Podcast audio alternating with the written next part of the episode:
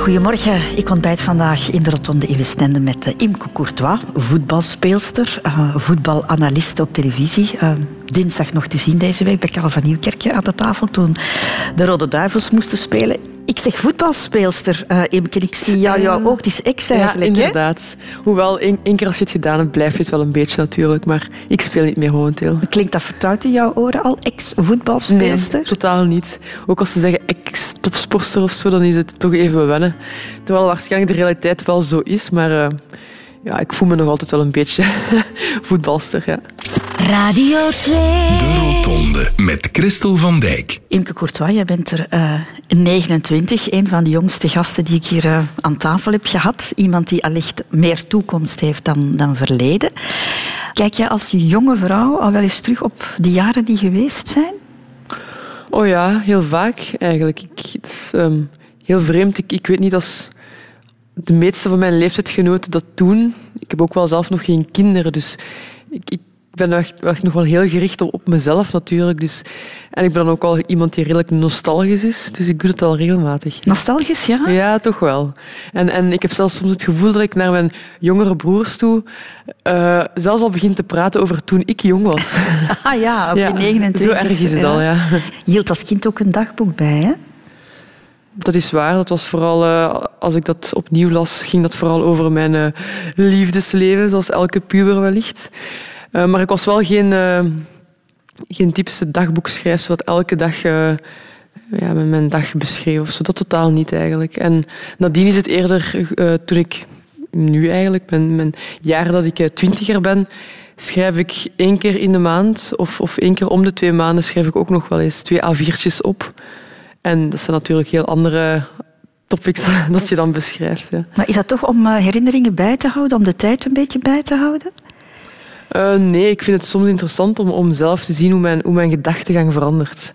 Zoals ik net zei, als je, als je jong bent, dan gaat het over de hartverscheurende liefde en denken dat je wereld stopt als, uh, als er een vriendje je niet meer graag ziet, voor zover dat je dan weet wat graag zien is.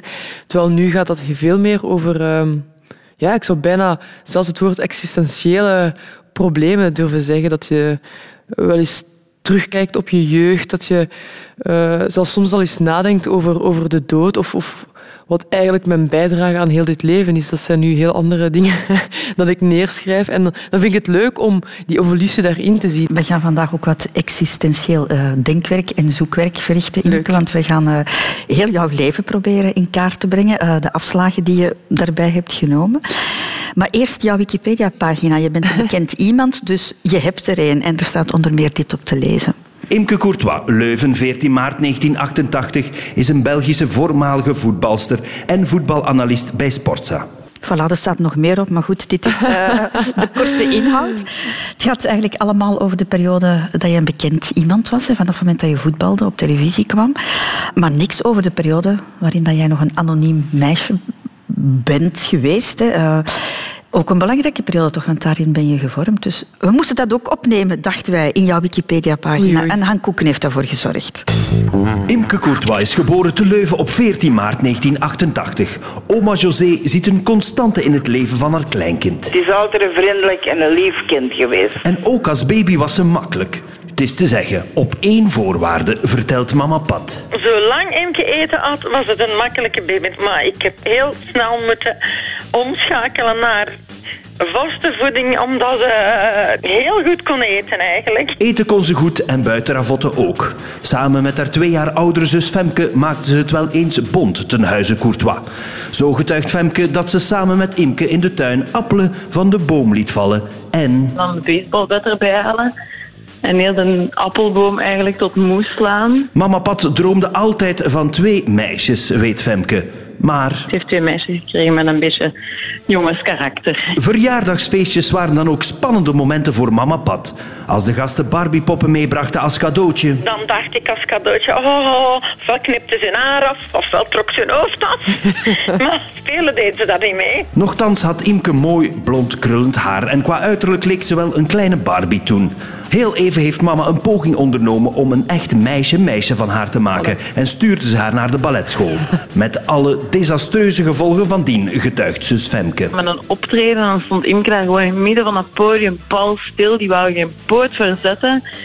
En dan stond ze daar meestal met haar blauwe knieën en, en blauwe plekken op haar benen in die roze tutu op dat podium. En dat was, ja, dat was echt geen goede combinatie. Op haar plechtige communie maakte Imke dan ook kom af met al die Barbie-haren.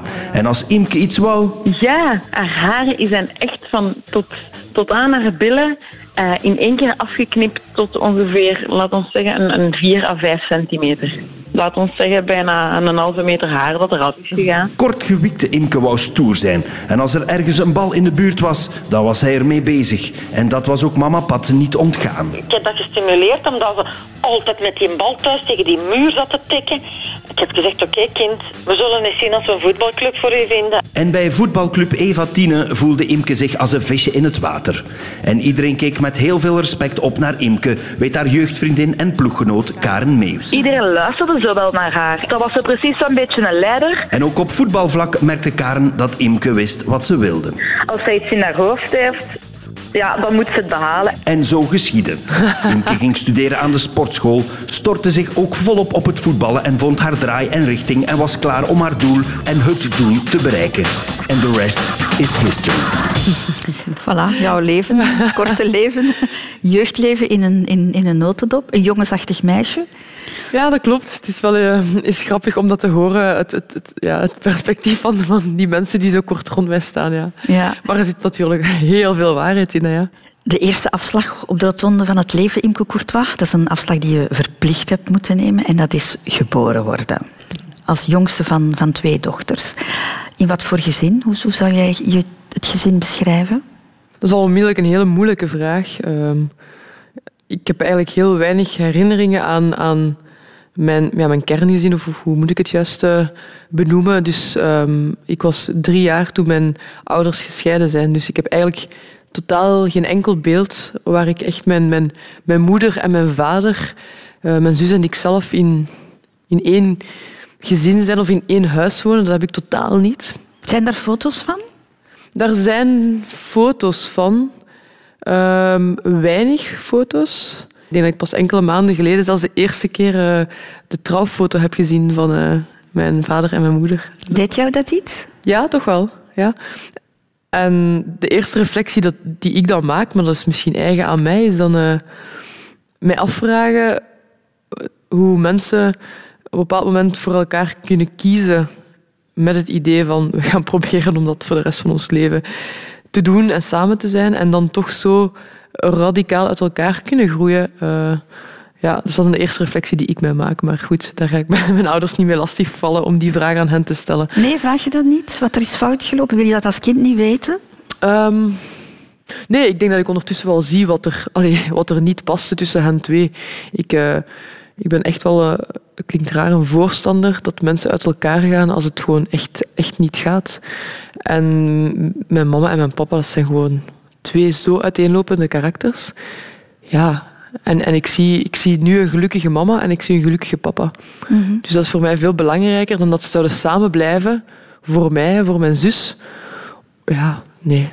Maar je bent voor het grootste deel bij je mama opgevoed, Ja, hè? absoluut. Ik ben, eh, eigenlijk was de regeling dat ik om de 14 dagen een weekend naar mijn vader eh, moest gaan, samen met mijn zus. Maar toen ik jong was, eh wou ik dat ook absoluut eigenlijk, vond ik dat absoluut niet leuk op dat moment. En niet omdat ik mijn vader niet graag zag, maar gewoon een beetje uit angst van laat me toch maar veilig met mijn moeder en dat is goed zo voor mij. Ik ga mijn vader wel eens bezoeken. Heeft dat jouw relatie met hem beïnvloed? Nee, nee. Ik ben op dat vlak ook, ik ben een zeer loyaal type. Ehm, mijn vader is toch al een, eh, is, is een, is een lieve man en heeft ook, ook een heel groot hart. En ik, ik zie hem ook super graag.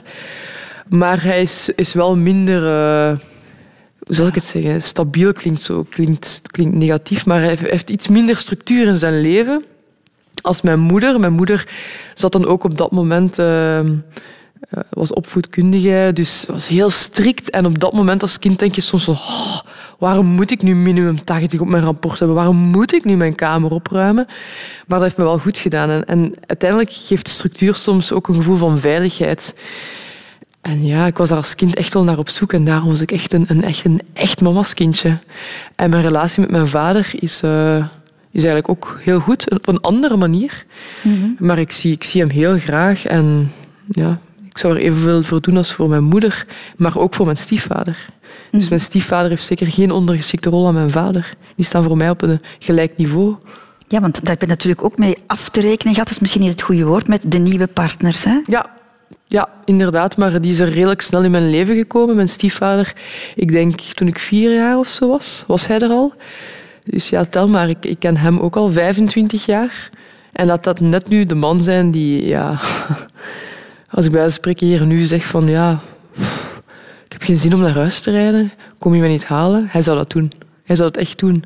Echt een, een goed zaak. eh, heeft altijd heel goed voor mij gezorgd. Als, als mijn moeder werken was en ze kon ons niet komen halen van school, was hij er. Dus eh, op dat vlak heb ik zeker niet te klagen. En mijn vader heeft dan ook eh, op dat moment opnieuw getrouwd geweest. En daar heb ik dan ook een mooi geschenkje van gekregen, zeg ik dan altijd. Want ik heb twee halfbroers, die ik ook echt graag zie. Die ik beschouw ook als echte broers. Ze zijn een stukje jonger als mij. Maar goed, ja. Mhm. Dus nieuw samengesteld gezin, bij jou is dat een succes geweest. Ja, ondanks de kleine, moeilijke stapjes dat misschien dat heeft betekend voor mij, eh, wat betreft vertrouwen in wat anderen naar u toe doen. eh, Wat bedoel je daarmee? het, het feit dat de beweegreden van mensen in, in het graag zien voor mij niet altijd even duidelijk zijn. En ben precies op dat vlak ben ik een oud zieltje. Ik weet het niet, maar ik ben wel iemand die, ehm, ja, die houdt van eh, loyaliteit, eh, onvoorwaardelijkheid in een relatie. Of in graag zien zelfs. Hoeft daarom geen, geen relatie te zijn, maar wel in graag zien. Komt dat door mijn ervaring als kind met het hele scheidingsproces? Of is dat gewoon iets wat in mij zit? Geen idee. Radio 2. De Rotonde. Over de afslagen van het leven. De studies, Imke Courtois, daar werd veel belang aan gehecht hè, bij jou. Jouw mama was streng. Ja, absoluut. Ze hield ervan dat ik goede punten had. Eh, ook voor mijn zus trouwens, hoor. niet alleen voor mij. Ehm wij moesten minimum een percentage behalen op ons rapport. en ik was nogthans als kind in het lager onderwijs en in het middelbaar totaal geen goede studenten. Ik ben redelijk chaotisch qua van aard. En op dat moment vond ik studeren helemaal nog niet zo leuk. Maar het was wel heel belangrijk. We moesten ook thuiskomen, eh, huiswerk maken en zorgen dat het in orde was. En als ik op school gestraft werd, dan eh, kon ik thuis meestal ook nog wel eh, enkele regels schrijven. Mhm. Je had het moeilijk op school in de zin dat jij je ook heel moeilijk kon concentreren. Hè? Ja, in het lager onderwijs, elke vogel, dat heb ik hier trouwens ook nog steeds, elke vogel dat ik eh, buiten zag vliegen, ja, dan was ik door afgeleid en dan de volgende tien minuten had ik totaal geen idee wat de juf vooraan aan het vertellen was. En ik was dan ook extreem actief. Ik was een kind dat, dat ja, moest energie kwijtraken. En dan hebben ze ook een tijdje gedacht dat ik eh, ADHD had. Ze dachten, ja, ze kan zich moeilijk concentreren, ze kan niet stilzitten. Eh, dus ze zal wel ADHD hebben. Dat was toen ook een beetje zo de, niet de mode, maar wel een snel gestelde diagnose. Maar eh, gelukkig had mijn moeder redelijk snel door, ja, oké, dat, dat is inderdaad niet het geval. Ik moet uh, Imke gewoon laten voetballen. En dan ging dat ook wel. Dan kon ik me beter concentreren in de klas en dan kon ik beter stilzitten in de klas. Een beetje mijn redding geweest. Had je het ook moeilijk met de regeltjes eh, in, een, in een school? Nee, lager onderwijs niet. Misschien met het ouder worden wel. Het zit namelijk zo, ik denk, ik kan heel goed met regels om. En eh, ook wel met de autoriteit zelfs.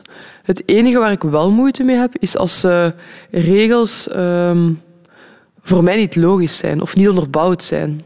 Dan, dan heb ik daar wel moeite mee. En dat is zowel op school als op het voetbal had ik daar moeite mee als, als in mijn dagelijks leven. Het moet voor mij ook in een bepaald opzicht wel, wel een logische regel zijn. Dat is onder andere de reden dat je in het vijfde middelbaar midden in het jaar Ja. bent opgestapt. Ja, ja, ja klopt. Dat was een, een, een les Duits, als ik het me goed herinner. En ehm, ik, kan, ik kan echt niet goed tegen onrecht. eh, en dat was op dat moment eh, echt een... Oh, ja, verschrikkelijk. Moment van onrecht. Dus ik kreeg een gigantische nota in mijn agenda dat ik de klas eh, verstoord had, wat eigenlijk totaal niet het geval was. En, en er werd verteld dat ik aan het babbelen was met, eh, met Karen. Niet de Karen die je net gehoord hebt, een andere Karen. Maar alleszins, eh, ik kreeg een gigantische nota. Ik ben dan naar de klas titularis gestapt. Ik ben dat gaan toelichten van kijk mevrouw, ik heb echt niets verkeerd gedaan. Ik had zelfs medestudentjes meegenomen om mijn verhaal te onderbouwen. En zij zei van oké Imke, maar toch wil ik dat je je gaat excuseren met de, de leraar in kwestie. En oké, ik, ik vond van ja oké, ik zal dat doen. Uit respect voor nogmaals autoriteit, dat kan ik wel, kan ik wel aan en dat begrijp ik ook. Dus ik ga naar, naar die vrouw in kwestie, die lerares in kwestie. En eh, ik ga mij excuseren. Eh, maar in plaats van dat zij dat dan aanneemt, want je moet- denken, ik ben in mijn onrecht, ik ga me toch excuseren. En ik krijg gewoon terug opnieuw een volle lading, maar echt een volle lading. En op dat moment had ik echt zoiets van, nee, dit kan niet voor mij. Ik bedoel, ik stel mij zwak op. Ik, ik, ik kom me excuseren. En ik had, ik had een constructief gesprek verwacht. En dan krijg je toch zoiets, een golf over jou. En dan ben ik naar buiten gegaan, al wenend natuurlijk. En eh, het verhaal ook aan mijn moeder gedaan. En ook op dat moment, ik, ik moest steeds meer voetballen, nationale ploeg en zo. En hebben we samen beslist van, oké, Imke, je, je moet niet meer teruggaan. We, we schrijven je in in eh, de topsportschool. Je bent dan in het vijfde middelbaar, midden in het jaar, naar de topsportschool gegaan. klopt, inderdaad. Ook niet makkelijk, hè? Nee, en- zeker omdat je dan eigenlijk eh, ofwel ja, je jaar opnieuw moet doen, als je in het ASO wil blijven, ik deed op dat moment humane wetenschappen, ofwel moet je eigenlijk zakken. En ik ben dan gezakt en ook dat, achteraf gezien, was, was wel goed. Even het ego volledig onderuit halen. En eh, Je bent dan naar TSO ja, ik ben dan naar TSO gegaan. En is dat een goede beslissing geweest, Ja. die, die, die ja. topsportschool? Ja, absoluut. Nogmaals, zoals ik net zei, het was misschien... Het niveau was, qua lesinhoud was misschien veel lager als van het college waar ik van kwam. Ook omdat je dan zakt naar een TSO-richting, zeg maar. Maar ik heb daar wel heel wat andere dingen geleerd. Ik heb eh, enerzijds de discipline en dus nog meer structuur aangeboden gekregen door eh Anne en Michel Bruinings. Dat waren dan de twee coaches in het voetbalgedeelte van, het, eh, van de topsportschool. En anderzijds heb ik daar ook een eerste keer kennis gemaakt met sportfysiologie, met anatomie.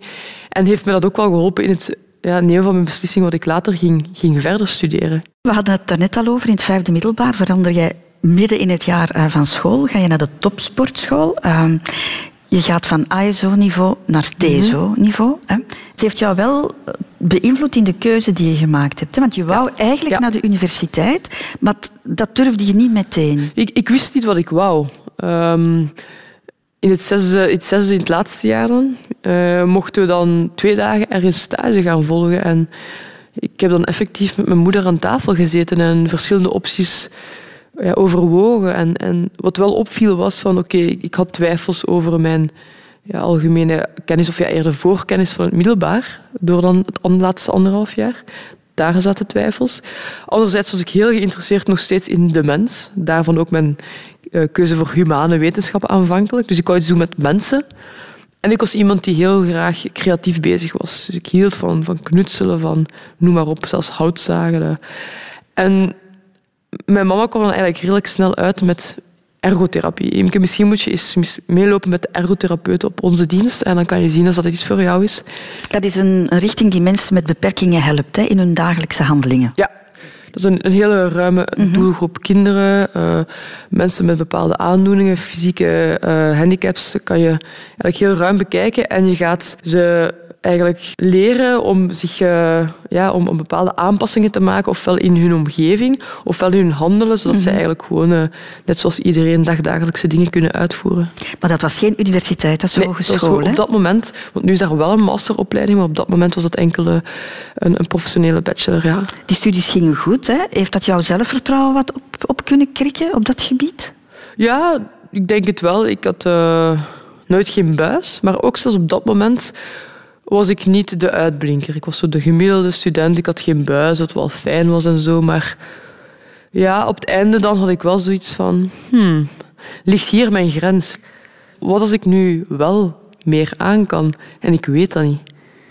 En dan ben ik beginnen te praten met enkele docenten. En ik was wel altijd heel geïnteresseerd in de anatomie, de fysiologie. En dan dacht ik van, ja, misschien moet ik het gewoon proberen. Misschien moet ik nog kine bij doen. Op universitair niveau Ja, dan. ja, ja. Dat wou jij toch voor jezelf uitmaken? ja van, ik wou ja. weten waar die grens lag. Ja, en dat heb ik ook gewoon gedaan.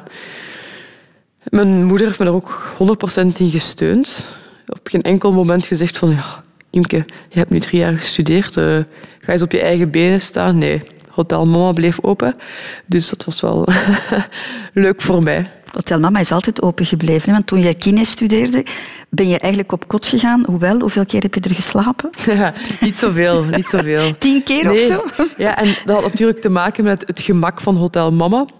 Maar dat had ook te maken met het idee van... Ik kan heel moeilijk in een stad leven omwille van de snelheid van het leven dat daar, dat daar heerst. Ik kan dat niet. Ik, ik werd daar ongelukkig van. Ja.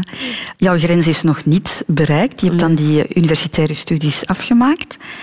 En dan ga jij solliciteren om te mogen doctoreren. Ja. Tijdens kine hoorde ik wel tot, tot de iets betere studenten. Dus ik denk dat het zelfvertrouwen daar pas is gekomen. Het heeft redelijk lang op zich laten wachten, maar ik was ook vertrokken. Ik, ik, ik wist steeds meer en beter wat ik echt wou, wat mij interesseerde. En dan eh, tijdens je masterjaar moet je dan een thesis maken. En ja, daar vond ik echt mijn ding in. En eh, mijn promotor... eh, me ook nog gestimuleerd daarin. En begonnen ze eigenlijk zelf over toen aan de U Hasselt van ja, misschien moet je hier een project uitschrijven voor een doctoraat. Dan is dat een klein beetje anders gelopen. Ik ben daar begonnen aan de U Hasselt. Ik ben een project beginnen te schrijven. Maar waarschijnlijk, zoals in veel universiteiten, was dat een beetje een, ja, een, een strijd. Ook een beetje een politieke strijd van oké, wie gaat er nu een doctoraatstudent krijgen, wie niet, enzovoort. Terwijl de KU Leuven op dat moment eh, ja, een, een, een vacature had zeg maar, voor, eh, een bepaalde voor een doctoraatspositie. en heb ik daarvoor gesolliciteerd. En dan heb ik die job gekregen en dan Ja. was ik eigenlijk heel blij. Zeg maar, je hebt nogal een weg afgelegd hè, van een te druk tienermeisje, hè, voor wie het schoolgebeuren niet evident was. Iemand die van ASO naar TSO gaat, niet naar de universiteit durfde, het uiteindelijk toch gedaan heeft en nu bijna dokter in de Psychologie. Of in de psychologie. Ja. Dus ik, heb, eh, ik ben echt afgestudeerd als kine, maar eh, ik doctoreer momenteel in de psychologie. Ja. Had je al die omwegen nodig, denk je? Eh, ik noem het geen omwegen eigenlijk. Ik noem het gewoon een, een andere weg dan misschien de kortste weg. Dat wel. Maar ik ben heel blij met, met de weg die ik op dat vlak ook bewandeld heb. In die zin van, ik heb laagtes gekend, ik heb, ben nu terug omhoog aan het gaan, ik heb hoogtes gekend. En ja, dat heeft me wel gevormd, denk ik. Dus het is misschien niet de meest typische weg, maar eh, ik, zou, ik zou het zo opnieuw doen. Radio 2. De Rotonde. De keuze voor het voetbal, Imke Courtois, is er niet meteen gekomen. Eerst ga je naar de balletschool. Ja. ja. Was dat jouw, eh, jouw wens? Ik, ik weet het eigenlijk niet. Ik denk dat ik van mijn zes tot mijn acht ballet heb gedaan. Maar dat is nu echt het enige wat ik me niet meer herinner. Hoe ben ik daar opgekomen om ballet te gaan doen? Waarschijnlijk een vriendinnetje die dat ging doen. Geen idee. En op het begin vond ik het ook nog wel oké. want dan was dat niet echt zo plié-échappé toestanden. Dan was het eerder ehm, allemaal op dezelfde lijn stappen. Eh, ja, dan was dat veel meer op, op kindniveau, zeg maar. Maar op het moment dat dat begon heel strikt te worden, iedereen exact dezelfde beweging op hetzelfde moment, ja, toen haakte ik een klein beetje af en toen leerde ik eh, de vrijheid van het voetbal.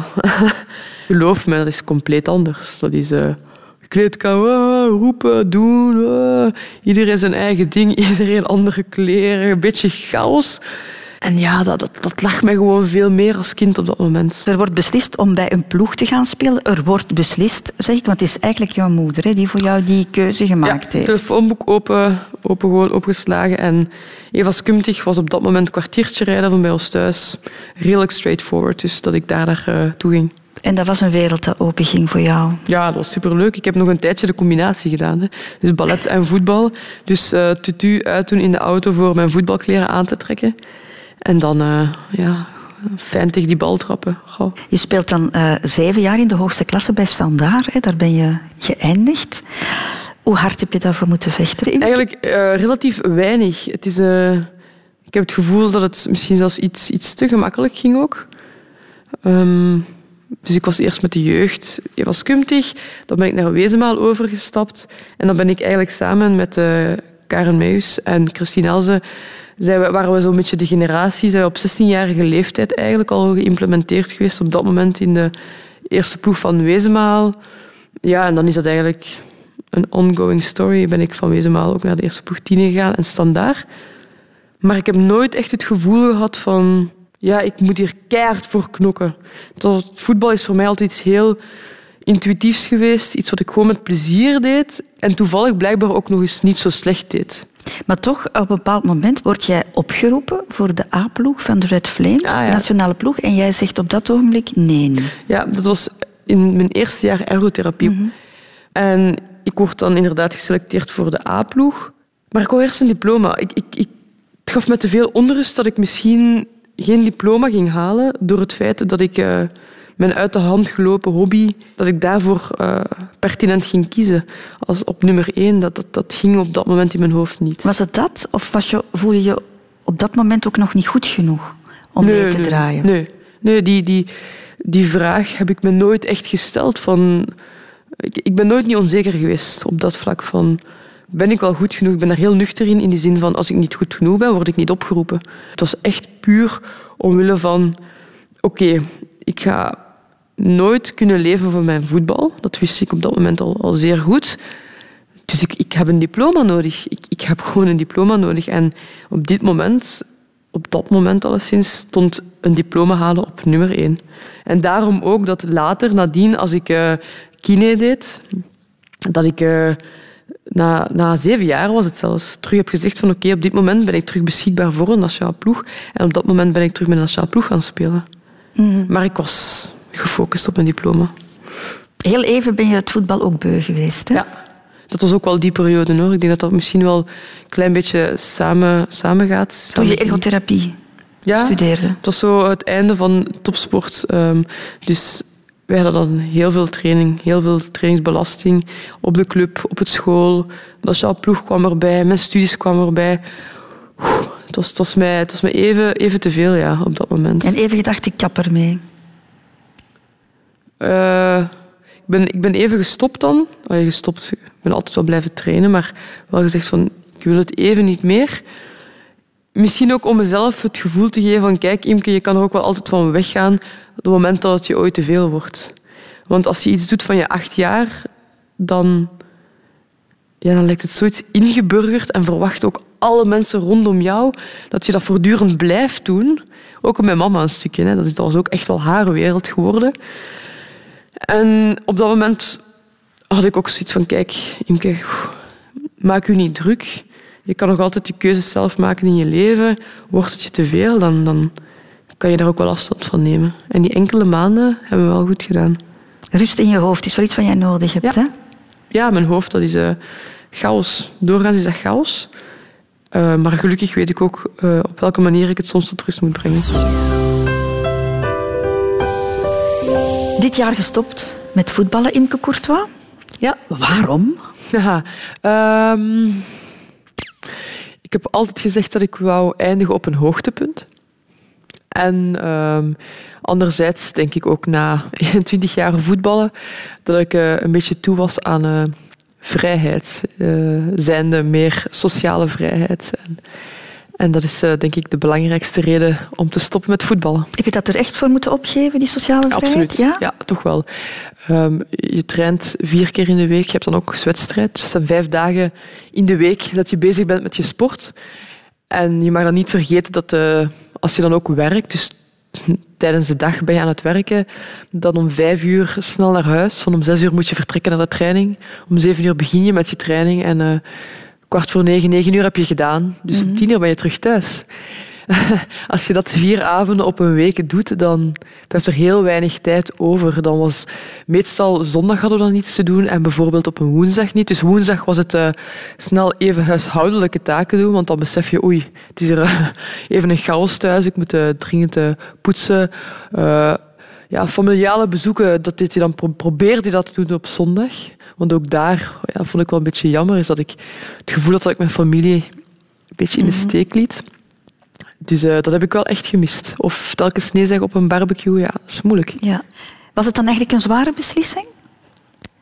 Eh, het is altijd wel moeilijk en vooral een soort van onwetendheid van hoe ga ik daarop reageren. Eh, en dan niet fysiek, maar vooral mentaal. Er- Je hebt iets altijd gekend in je leven en, en dat valt weg. En hoe ga ik daarop reageren, dat weet je niet. En dan hoor je natuurlijk heel veel wilde verhalen. Ehm, het, zwarte, het, het, zwarte gat en, en ik weet het niet allemaal. En, en, en je gaat je eenzaam voelen en je gaat het missen, je zal het wel zien. Maar nu kan ik u eigenlijk heel oprecht en eerlijk zeggen dat ik het eh, op dit moment niet mis. En dat zegt eigenlijk alleen maar dat ik de goede beslissing heb genomen. Mijn ideale wereld is eigenlijk zoals ik het nu een beetje leef, zijnde eh, eigenlijk gewoon genieten van het onderweg zijn, eh, voetballen of nu andere sporten doen, onderzoek doen, contact hebben met mijn familie, eindelijk een beetje een, een, een vriendschapsband opbouwen met mijn vrienden. Dat zijn de dingen die me nu gelukkig maken. Ik zou het niet zo kunnen focussen op één ding. Je hebt nog niet tegen een balletje getrapt ondertussen? Nee, absoluut niet. Naar het vrouwenvoetbal gekeken? Ook zelfs daar heb ik eh, op dit moment geen tijd voor gehad. Ehm, er is ondertussen al één kwalificatiewedstrijd voor de dames geweest, voor de Red Flames. Daar kon ik niet naar, naartoe omdat ik op een congres was. Of terugkwam van een congres, redelijk laat. En ik denk dat ik ook wel een beetje bewust nu nog eh, het vermijd om te gaan kijken omdat ik echt wel voldoende tijd wil nemen om dat deftig af te sluiten. Ik zou niet willen dat ik eh, elke week opnieuw ga kijken en toch zoiets begin te denken van oh, tju, had ik, had ik daar maar gestaan of waarom heb ik die beslissing genomen? Nee, ik wil dat eerst voor mezelf mooi afronden, goed afsluiten en dan, dan ga ik terug eh, supporter nummer één zijn. Dus helemaal afgesloten is het toch ook nog niet Dat dan? tijd in. 21 jaar. Als ik 21 jaar zo snel zou kunnen afsluiten, dat zou teken zijn dat er echt iets grondigs verkeerd is gegaan. En dat is niet het geval. Dus eh, ik, ben het nog, eh, ik ben het nog aan het afsluiten, ja. Laten we het eens hebben over het echte afscheid. Oei. Ik vond het een beetje in mineur. hè? Ja. Ik bedoel, je laatste wedstrijd bij Standaard, er is niks georganiseerd voor jou. Laatste wedstrijd bij de nationale ploeg is ook Redelijk, ja. ongemerkt voorbij Klopt. gegaan. ja. Ik heb er begin wel moeilijk mee gehad. Dat moet ik eerlijk toegeven. Als ik daar straks sprak over ehm, mijn beslissing, ehm, daar heb ik geen moeite mee gehad. En het afsluiten, dat, dat loopt ook nog wel oké. maar de manier waarop is misschien eh, niet optimaal geweest. Bij Standaard denk ik dat ze er een beetje van uitgingen van ja, ja, die gaat gewoon volgend seizoen verder doen. Terwijl ik eigenlijk heel expliciet had aangegeven, nee, dit is mijn laatste Al jouw vrienden en familie zaten in de tribune. ja, dat was net het mooie eraan eigenlijk. De toeval was dat wij de laatste wedstrijd op Tiene speelden. Op eigenlijk het, het veld van, van Kumtig. Dus waar ik ooit begonnen was, daar was ook de laatste wedstrijd. En op dat moment waren de, belang, eh, allee, de meeste, de belangrijkste personen waren er voor mij. En dat was eh, familie en vrienden. En dat was echt een gemiste kans, want je speelt een kampioen. En ik, ik voelde echt diep van binnen van oei, ik kan hier niet uitbundig feesten, omdat ja, het is je laatste wedstrijd en, en het gaat zo precies aan je voorbij. Dat vond ik een beetje jammer. Nadien hebben ze me wel uitgenodigd om eh, standaard dan om eh, op het veld van de mannen een ploeg een ereronde te doen, maar dat wou ik dan niet. Omdat, met alle respect voor die supporters, zijn geweldige supporters, maar dat zijn niet jouw vrienden en jouw familie die 21 jaar aan jou gevolgd hebben. Dus op dat moment heb ik daar heel weinig affiniteit mee. Dus dat was, dat was bij standaard. En dan de Red Flames. Ja, dat was ook eh, eh, de laatste avond, eh, een fles champagne en, en dat was het dan. En ook daar had ik zoiets van... Ik weet het niet, op, op zijn minst misschien een truitje met een leuke boodschap of... Geen idee. En, en ik moet eerlijk zeggen, ik was teleurgesteld. En, en nu zijn we ondertussen twee maanden verder, bijna drie maanden verder. En ik realiseer me wel dat, dat je altijd van je afscheid dat je daar een bepaalde verwachting van hebt. Van ja, dat gaat, dat gaat op die manier gaan en dat gaat mooi zijn, maar dat gaat nooit ingelost worden. Ik denk dat dat ook wel iets heel onmogelijks in zich, in zich draagt. Dat dat, ja, wat was wel de mooie, juiste manier geweest? Ik, ik weet het niet. Ik denk dat ik in een bepaald opzicht altijd wel teleurgesteld zal geweest zijn. Maar ja, ik ben er, mentaal ben ik er nog mee bezig. Emotioneel ben ik er nog mee bezig om het echt eh, te verwerken. En, en vooral, ik denk dat het ook een ego-stukje is bij mezelf van... Ja, ik heb 21 jaar voor vrouwenvoetbal eh, mijn best meegedaan. Ik heb dat echt proberen ook een beetje onder de aandacht te brengen. Ik heb het met hart en ziel gedaan. En dit krijg ik dan terug. Dus misschien is het ook wel een klein beetje mijn ego dat te veel terug wilt. En moet ik maar gewoon blij zijn met al die jaren dat ik gekregen heb. Het is een kleine wereld ook, het vrouwenvoetbal. Hè? Zou het ook met afgunst te maken hebben? Dat, is ook wel, dat, dat, komt wel even in je gedachten. Ja. Als, je, als je bezig bent met die verwerking, dan, dan ga je verschillende opties af. En dan, dat, dat, dat kan wellicht een, een rol spelen. Maar ja, ik... eh, nog een, weg, een kleine weg af te gaan, denk ik, om dit af te sluiten. Ja. Ja, hè? Toch wel, ja. En ik ga dan vooral bij mezelf gaan zoeken en niet te veel bij de ander. Ik denk dat dat het veiligste is en het gemakkelijkste. De Rotonde. Radio 2. Imke Courtois, we hebben het al over gehad. Hè? Je was als kind eh, een, een halve jongen. Hè? Een voetballende halve jongen. En toch maak je op je twintigste, het was op je twintigste denk ik, een keuze die volgens mij alleen maar echte meisjes maken. Je schrijft je in voor een televisieprogramma op To Be Topmodel. Ja. Hè? Even misschien situeren wat voor programma dat is. En daarin gingen we op zoek naar een nieuw internationaal model. Hè? De winnaar kreeg een Ja. contract eh, en 25.000 euro. Ah, dat wist ik zelfs niet. ja, kleine nuancering. Ik werd ingeschreven, maar... Je werd ingeschreven. Dat zegt iedereen die zich voor Miss België inschrijft ja, ook. Hè? goed, ik denk als je... Ik heb de beelden en ik ga ze zeker niet geven. maar ik denk als je zou kijken, dan, dan ga je ook heel snel mijn beweegreden kunnen, kunnen zien. En op dat moment ehm, ja, was het eerder zo van... Ah, jullie denken dat alle meisjes die voetballen halve manwijven zijn of niet vrouwelijk kunnen zijn. Dat is weer een onrecht dat ik eh, aanvoelde. Dus ik had zoiets van... Oké, waarom niet? Ik, ik wil gerust echt wel bewijzen dat dat, dat dat niet zo is. En ik denk dat op dat moment mijn enige doel was om daar gewoon eh, bij die laatste elf of tien, ik weet het al meer, te geraken. En dat was voor mij eigenlijk al voldoende. Maar goed, ik, ik, ik heb er zeker geen spijt van. Ik heb eigenlijk denk ik echt wel op dat moment ook wel enkele mensen kunnen overtuigen van meisjes die voetballen kunnen echt wel vrouwelijk zijn. Dat is, dat is evenzeer meisje als, als een ander meisje. Misschien meer andere interesses. Je zegt het zelf, een halve jongen. Maar goed, ben ik een halve jongen als ik eigenlijk gewoon meer interesse heb in voetbal en ruwere spelletjes? Ben ik dan een halve jongen? Ik weet het niet. Het topmodel was een, een wedstrijd. Hoe Ja. groot is die competitiedrang dan bij jou op zo'n moment? Op zo'n moment niet. Niet? Nee, nogmaals, omdat het niet mijn doel was om het, het bedrag van 25.000 euro te winnen, laat staan om een modellencarrière te ambiëren. Nee, dat was zeker niet mijn, mijn doelstelling. Ik zou dat zo slecht doen. Oh, respect voor al die meisjes, want vergeet niet dat ik iemand ben die heel graag eet. Hè. dus eh, ja, dat karakter zou ik niet hebben. En dan kom je later op een meer gepaste plek terecht, denk ik, als eh, voetbalanaliste bij Sportza. Ja, was leuk. Hoe gebeurt zoiets? Bellen ze jou gewoon daarvoor? Wel, ik zat aan mijn bureautje in het PSI, dus waar ik werk, in Leuven. En ik kreeg een telefoon. En op dat moment was eigenlijk gewoon de vraag van... Ah ja, kijk, eh, de Rode Duivels eh, spelen een wedstrijd. Dat was in maart, denk ik. Allereerste keer. En zou jij het zien zitten om me aan te schuiven samen met eh, Jan en eh, Geert en Karel om de wedstrijd te analyseren. Jan Mulder, Jan Mulder en eh, Geert de Vlieger, ja. klopt.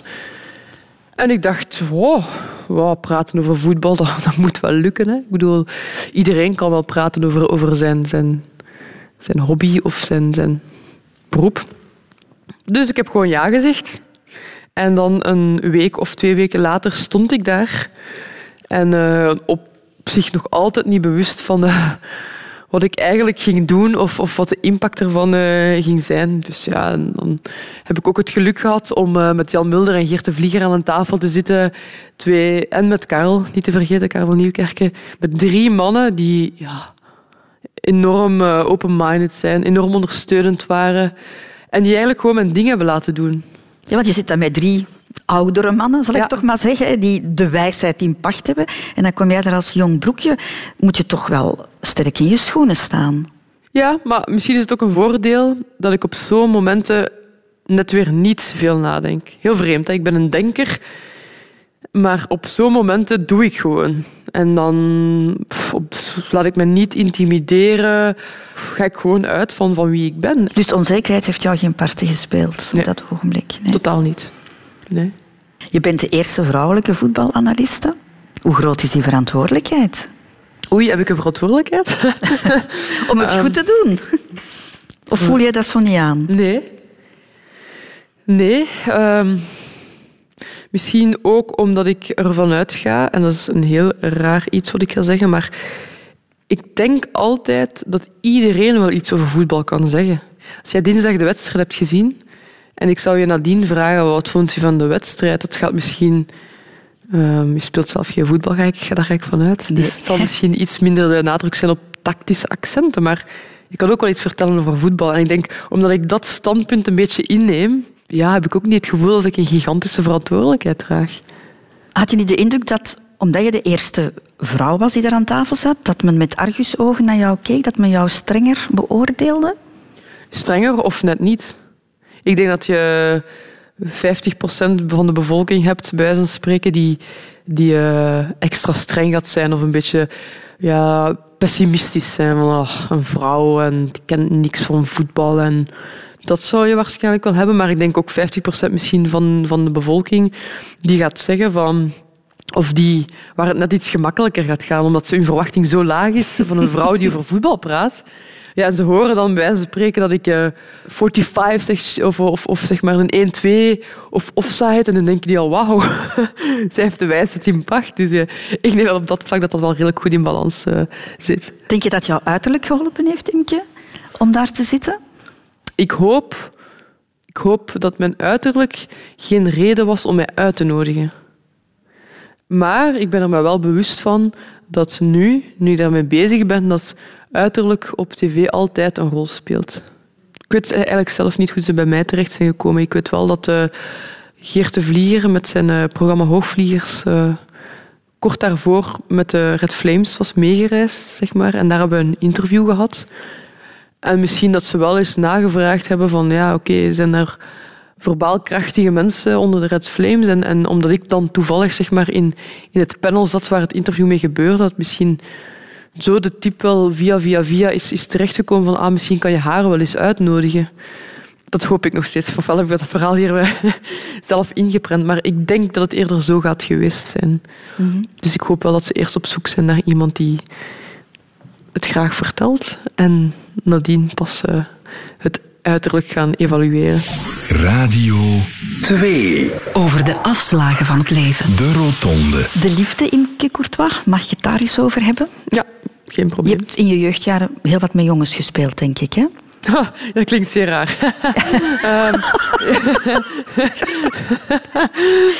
Gevoetbald bedoel ik dan. Ja, hè? eh, ja. ja, klopt. Ik had meer eh, mannelijke vriendjes om mee te spelen. Ja, Ja. dat klopt. Wanneer ben je op een andere manier naar jongens gaan kijken? Ehm, en dan bedoel je meer qua, qua, qua aantrekking. Ja. Echt, eh, oh, ik denk de, de gebruikelijke leeftijd. Hè. Als je zo eh 15, 16 jaar bent, dan, dan heb je zowel je eerste vriendje echt. Eh, had ik ook mijn eerste relatie. En ik, ik maak nu duidelijk eh, Aanhalingstekens. aanhalingstekens. Want ja, voor zover ik van een relatie kan spreken, natuurlijk op zo'n leeftijd. Maar ja, zo de, de gebruikelijke leeftijd, 15, 16 jaar. Maar dat, dat betekende wel niet dat ik daarom ineens eh, meer meisjes als, als vriendinnen had of zo. Ik had dan een vriendje, maar ik had nog heel vaak mannelijke vrienden waarmee ik afsprak. Dat is, was, is altijd zo geweest, dat ik meer eh, jongens rond mij had dan eh, meisjes. Je had het daar straks over je dagboek, waarin heel wat liefdesverdriet beschreven werd. Ben je zo dikwijls teleurgesteld geweest in de liefde? Ik denk dat dat al bij al wel meevalt. Wat niet wegneemt dat ik wel misschien in het algemeen teleurgesteld ben in de liefde en hoe het er tegenwoordig aan toe gaat. Dat is een ander verhaal, denk ik. Ehm, en dan komen we natuurlijk weer terug op eh, wat ik daar straks zei, is dat voor mij liefde iets onvoorwaardelijks moet zijn.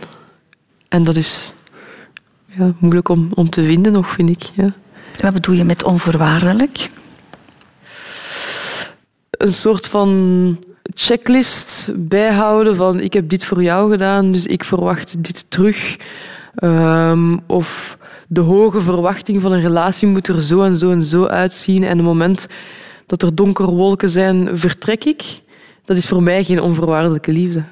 Onvoorwaardelijk is eerder het idee dat je oké, je ziet elkaar graag, maar, maar je bouwt aan, een relatie. En, en je weet dat daar donkere momenten gaan komen. Maar ik beschouw een donker moment in een relatie eigenlijk een, een mogelijkheid, een kans om net een sterke relatie te creëren, om nog meer bounding te hebben onderling. Dat is, dat is voor mij een relatie. En ik, ik weet het niet. Ik, vind het, ik vind het zeer moeilijk om dat nog in deze huidige tijdsgeest te vinden. Ik denk dat ik ook niet alleen praat over een, over een, een liefdesrelatie. Ik, ik heb wel het gevoel dat ik zelf ook bijvoorbeeld naar mijn moeder, naar mijn zus, naar mijn vader, ik zie hen echt wel onvoorwaardelijk graag. Dat kan ik echt wel zeggen. En zij mij ook, maar dat is ook wel redelijk straightforward dat je ouders je onvoorwaardelijk graag zien, want je bent, een- je bent hun kind. Maar vrienden, ik heb goede vrienden, maar het onvoorwaardelijke graag zien, ik heb het nog niet vaak tegengekomen, toegegeven. En je bent, denk ik, van, zo lees ik to- toch tussen de regels door, ook al wel eens heel diep teleurgesteld geweest in mensen. Ja. Ja. Wie niet? Maar eh, ja, ik ben zeker eh, al teleurgesteld geweest. En dat heeft dan wel te maken met het feit dat ik eh, heel veel geef. Misschien zelfs voorbij mijn eigen grens. En veel meer gefocust ben op de ander dan op mezelf. Zeker wat betreft graag zien. Ik zal altijd proberen om, om dat de ander maar gelukkig is. En soms ten koste van mezelf. Eh, en natuurlijk, ja, dan is de muur zeer hard als je er tegen loopt. Hè. Dus ja, ik ben al teleurgesteld geweest. De vraag is, moet, moet je blijven op zoek gaan naar, naar dat type relatie waar heel veel wederkerigheid is? Of moet ik veranderen van, van standpunt? En, en moet ik tevreden zijn met mij, in mijn ogen minder? Of, of moet ik mezelf meer beschermen? Dat, dat is maar de vraag. Maar daar ben ik op dit moment nog niet, eh, nog niet uit. Denk je dat je te veel verwacht van anderen?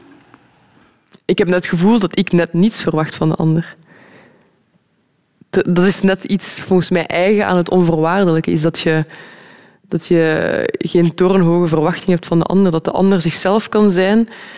Eh, en, en voor mij hoeft die andere persoon niet hetzelfde te denken als mij, hetzelfde te zijn als mij. Die mag perfect een ander standpunt hebben. Maar ik vind wel dat je elkaars anders zijn moet kunnen respecteren en elkaar wel graag kunt zien, ondanks het anders zijn. Of klinkt dat nu net iets nee, ik te begrijp, ingewikkeld? ik begrijp wat je bedoelt. Ja. Ja. Je zei daarnet, het is precies tegenwoordig niet meer mogelijk, het soort relatie dat ik wil. Het woord tegenwoordig vind ik daarin wel belangrijk. Ja, of frappant, heb je de indruk dat heel wat jonge mensen worstelen Ja. met liefde en met relaties? Tuurlijk. Ja, ik denk, ik denk dat wel, ja. Dat is ook logisch als je ziet in, in wat voor een moeilijke tijd dat we leven.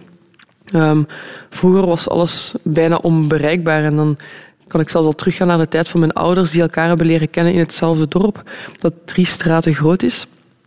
Terwijl nu alles eh, via de digitale wereld, ofwel heb je Tinder, ofwel heb je Facebook, ofwel heb je Instagram, maar iedereen en alles is bereikbaar. Alles ziet er zoveel mooier uit dan je eigen leven, terwijl je eigenlijk gewoon ja, zelf altijd maar de mooie foto's post en nooit wanneer je eens een slaande ruzie hebt, een selfie pakt of zo. Dus ik denk dat dat ervoor zorgt dat het gewoon moeilijker is om tegenwoordig een, een, ja, een relatie op te bouwen zoals ik het net beschreef. Zijn een stabiele relatie die op en neer gaat en van links naar rechts gaat.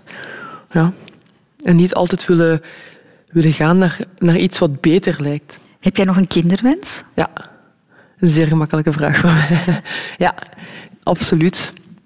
Ik wist eigenlijk al eh, zeer vroeg dat ik ooit kinderen wou. Maar, opnieuw, ik heb een enorme grote kinderwens. Maar ik, eh, ik ga alleen aan kinderen beginnen als ik financieel onafhankelijk ben, als ik een job heb en als ik een, een stabiele relatie heb. Dus eh, dat zijn wel de voorwaarden waarvan ik vind dat, eh, dat, dat, dat er dan op dat moment wel een kindje mag bijkomen. Maar Heb je daar een leeftijd op gezet? Of een... ja, dat doen wij vrouwen wel. Hè. ja, ja, want jij gaat nu naar de dertig. En dan, Oh, dan... zie. Ja, maar ja, Dankjewel voor de druk. dat is een vrouw, een soort van tikkende tijdbom op dat gebied soms. Hè?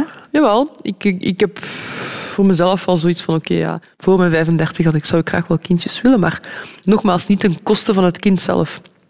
Ik kan nu niet eh, het extreme doen om mezelf maar te plezieren met een kind. Dat zou ik nu ook weer niet doen.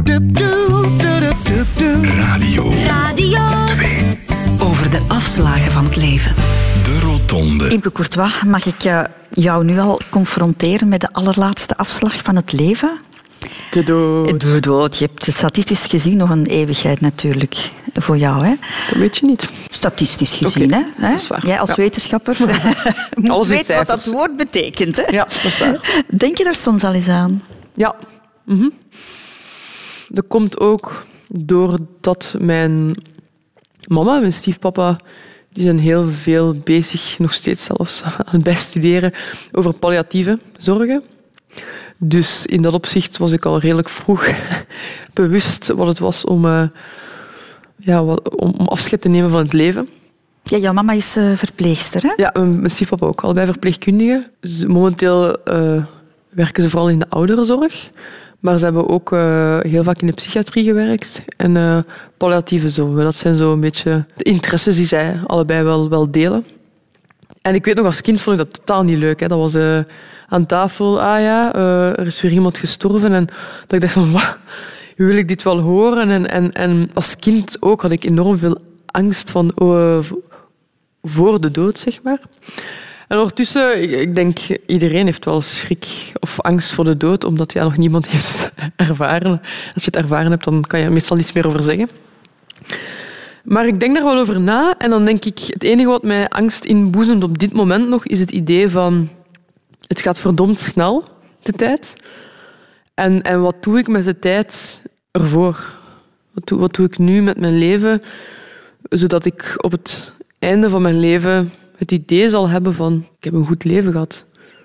En dan, dan kan ik me echt druk maken in het feit dat ik toch nog af en toe ruzie maak met mensen dat totaal niet nodig is. Of, of ja, het gaat gewoon zo snel. En dat, dat vind ik echt akelig. Ik ben nog maar 29 jaar, maar ja, gisteren was ik bij wijze van spreken nog 18. En dus als ik morgen opsta, dan ben ik 70. En dat vind ik een hele akelige gedachte. En het nu al op een leeftijd komen dat ik weet dat ik elke jaar fysiek iets zal moeten afgeven. Mentaal krijg ik waarschijnlijk altijd iets bij. Dat is een beetje omgekeerd evenredig. Hè? En dat vind ik een beetje oneerlijk aan het leven. Die omgekeerd evenredigheid van je moet lichamelijk heel veel dingen afgeven als je ouder wordt. Maar je krijgt wel een zekere wijsheid mee. Terwijl ik die wijsheid wil hebben wanneer ik nog lichamelijk 100% ben. Maar ben je niet iemand die bezig is ook met, met afscheid nemen? Bijvoorbeeld als jij vroeger Ja. op kamp ging, dan schreef jij al een brief naar je mama. Omdat ik me zo bewust was, waarschijnlijk al als kind, van ja, dood ga je sowieso. En we weten niet wanneer. Dat kan, dat kan vandaag, dat kan morgen zijn en dat kan binnen een maand zijn. Dus ik denk dat ik in een bepaald opzicht altijd al wou anticiperen van als die persoon dan sterft, dan, ja, dan, dan heb ik in een bepaald opzicht al afscheid genomen. Dus jij schreef echt een brief voor het Nee, ja. geval dat jouw mama... Nee, nee, nee. Niet van, beste mama, als je morgen sterft, dan weet dat ik je altijd graag heb gezien. Nee, maar ik denk dat het wel belangrijk is dat, dat, dat wij stilstaan met het idee dat het snel kan gedaan zijn en dat, je, dat het heel belangrijk is om te zeggen tegen iemand dat je iemand graag ziet. Dat je niet moet wachten op het moment dat iemand op zijn sterfbed ligt om dan te zeggen van zeg, ik zie u echt graag en bedankt voor alles. Nee, ik denk dat je dat op elke dag moet kunnen doen. En voor mij, zeker op zo'n momenten, was dat eh, een moment dat ik dat ook deed. Nu nog, nu nog steeds. Ik kan, als ik zeg maar iets eh, voor mijn moeder thuis iets moest gaan doen, de hond buiten laten of eender wat, dan, dan zal ik altijd een briefje achterlaten. Niet om te zeggen dat ik haar graag zie, maar zeg van oké, ik, heb, ik heb de hond buiten gelaten, dit en dit en dit, ik heb dit meegenomen. En ik zal altijd eindigen met, met zie je graag. Gewoon omdat ik vind dat, dat je zoiets elke dag wel kan zeggen en dat het daarom geen afbreuk doet aan ja, als je dat elke dag zegt, dan betekent dat niks meer. Voor mij wel. En voor de rest wat ik ook wel doe, is ehm, ja, heel veel dingen bijhouden. Ook zo van, ja, als die persoon er dan niet meer is, heb ik ze toch nog een beetje bij mij. Er is vor- vorig jaar ook iemand in mijn familie gestorven. En dat vond ik eigenlijk zeer vreemd om te doen, maar dat is dus het moment dat je zo spullen mag kiezen van die persoon, zeg maar. En ik ben die woning binnengegaan en ik heb een golf van die persoon, de, eigenlijk, ja, Een vestje. een vestje van die persoon meegenomen. En eigenlijk, de momenten dat ik die persoon mis, dan s'avonds in de zetel trek ik gewoon die golf aan. Ja, dus dat is mijn emotioneel eh, zacht kantje, denk ik dan. Ja. Jij bent wel iemand die zorg wil dragen voor mensen, hè? valt mij wel op. Ja. Ja, dat wel, ja. Ehm, en ik ben nogthans ook iemand die dat ook wel echt zelf nodig heeft. En dan bedoel ik... Ja, ik, ik word ook wel graag gezien. En dan bedoel ik, ik ben iemand die heel affectief is, die gelukkig kan worden als, ik, als iemand glimlacht naar mij, als, als iemand mij gewoon eens vastpakt. Of, of, ja. Dat betekent veel meer voor mij dan dat die persoon bij wijze van spreken een cadeaubon van de Ino gaat halen van 250 euro. Imke Courtois, wat mag ik jou nog wensen op de rotonde van jouw leven? Ehm, hm, dat ik nog heel wat rotondes mag tegenkomen. Ondanks dat ik, er al enkele, dat ik al enkele afslagen heb genomen, hoop ik dat ik er nog wel eh, veel ga mogen nemen. En voor de rest...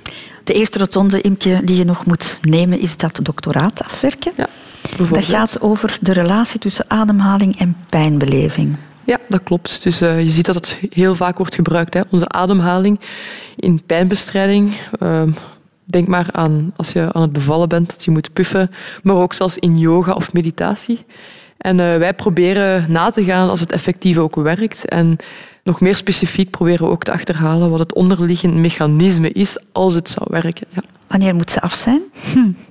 Ik ga het proberen af te krijgen ehm, april 2019. Ah, nog even werk voor de boeg. Ja, nog een tweetal experimentjes. Dankjewel uh, om hier aan de ontbijttafel plaats te nemen, Imke. Ik vond het heel fijn om jou beter te leren kennen. Je blijft mij bij als iemand die nog heel erg zoekt in het leven uh, naar de harmonie. Maar dat is mooi dat ja, ik hoop, ik hoop dat ik ook altijd een, een zoekertje ga blijven zijn. Ja, ik vind het onderweg zijn soms leuker als aankomen. Mag ik tenslotte nog vragen om iets in het gastenboek te schrijven? Ja, ja.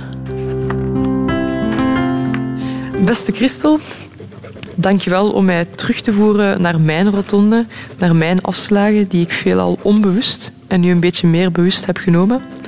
In de hoop dat mijn chaos en dualiteiten niet voor te veel verwarring zorgen en in de hoop dat onvoorwaardelijk graag zien nog bestaat. Liefs, Imke.